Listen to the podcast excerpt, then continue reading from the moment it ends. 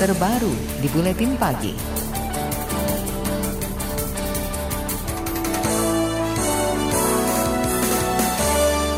Menteri Koordinator Bidang Politik, Hukum, dan Keamanan atau Menko Polhukam menyebut akan membawa kasus pelanggaran HAM masa lalu ke Pengadilan Hak Asasi Manusia. Hal ini, Mahfud MD tegaskan jika Komnas HAM memiliki cukup bukti untuk melanjutkan proses hukumnya. Mahfud juga menilai selama ini berkas yang diberikan Komnas HAM selalu dikembalikan oleh Kejaksaan Agung untuk diperbaiki. Namun menurutnya, Komnas HAM tak segera memperbaikinya. Kalau Komnas HAM punya punya apa bukti kan selalu begitu. Jaksa Agung mengembalikan ini Anda perbaiki, lalu bukan perbaikan yang diberikan tanggapan sampai berkali-kali itu.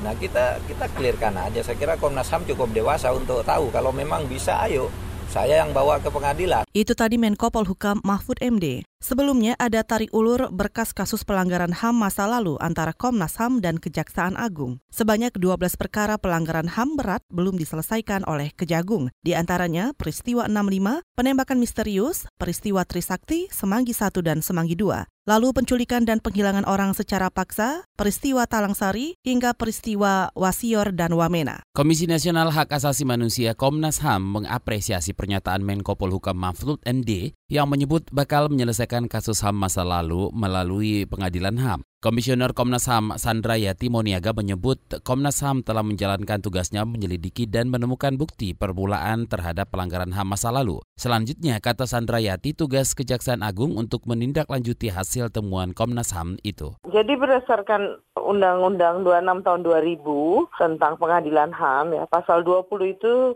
secara eksplisit menyatakan bahwa dalam hal Komnas HAM berpendapat bahwa terdapat bukti permulaan yang cukup telah terjadi peristiwa pelanggaran hak asasi manusia yang berat, maka kesimpulan hasil penyelidikan disampaikan ke penyidik. Jadi Komisioner Komnas HAM Sandrayati Moniaga mengaku siap berkoordinasi dengan Kejaksaan Agung untuk menyelesaikan sejumlah kasus yang mandek sesuai dengan koridor hukum yang berlaku. Sementara itu Komnas HAM mengungkapkan pemenuhan bukti pelanggaran HAM bukan kewenangan lembaganya. Namun menurutnya lembaganya dapat berjalan menyelidiki kasus tersebut setelah mendapat surat perintah penyidikan. Sementara itu Kejaksaan Agung mengklaim konsisten menindaklanjuti penyelesaian pelanggaran HAM berat masa lalu tanpa menyebutkan dibawa ke pengadilan HAM atau tidak. Juru bicara Kejaksaan Agung Mukri mengatakan Kejagung akan melakukan koordinasi dengan Menko Polhukam, Komnas HAM, dan DPR untuk menyelesaikan kasus pelanggaran HAM berat masa lalu. Uh,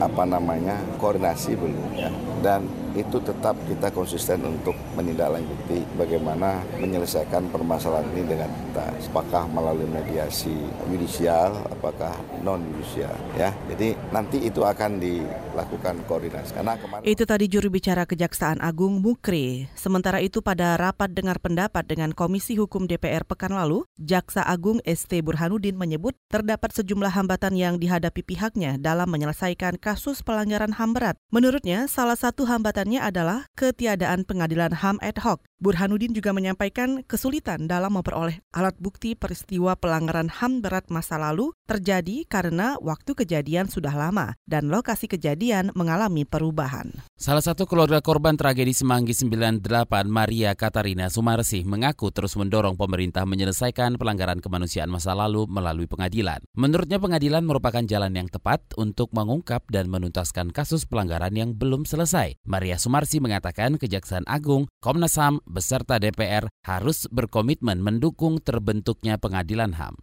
Yang memang kami perjuangkan hingga saat ini. Harapan saya adalah Pak Jaksa Agungnya itu kan orang dari dalam Kejaksaan Agung menolak menindaklanjuti berkas penyelidikan tragedi 98 khususnya itu dengan berbagai macam alasan yang tidak masuk akal. Begitu juga Pak Menko Polhukam, harapan kami ya mengkoordinasikan lembaga-lembaga terkait di dalam penyelesaian pelanggaran HAM berat itu, Kejaksaan Agung, Komnas HAM, juga DPR-nya untuk memperlancar ya terbentuknya pengadilan HAM ad. Ibunda dari Wawan, mahasiswa Universitas Atmajaya yang tewas saat tragedi Semanggi ini berkata, Indonesia adalah negara hukum yang di dalamnya ada undang-undang untuk menyelesaikan kasus-kasus pelanggaran HAM berat. Maria Sumarsi juga mempertanyakan sikap Jaksa Agung dari periode ke periode yang selalu mengembalikan berkas penyelidikan ke Komnas HAM dengan alasan yang tidak masuk akal. Anda tengah mendengarkan KBR, radio berjaringan yang berpredikat terverifikasi oleh Dewan Pers.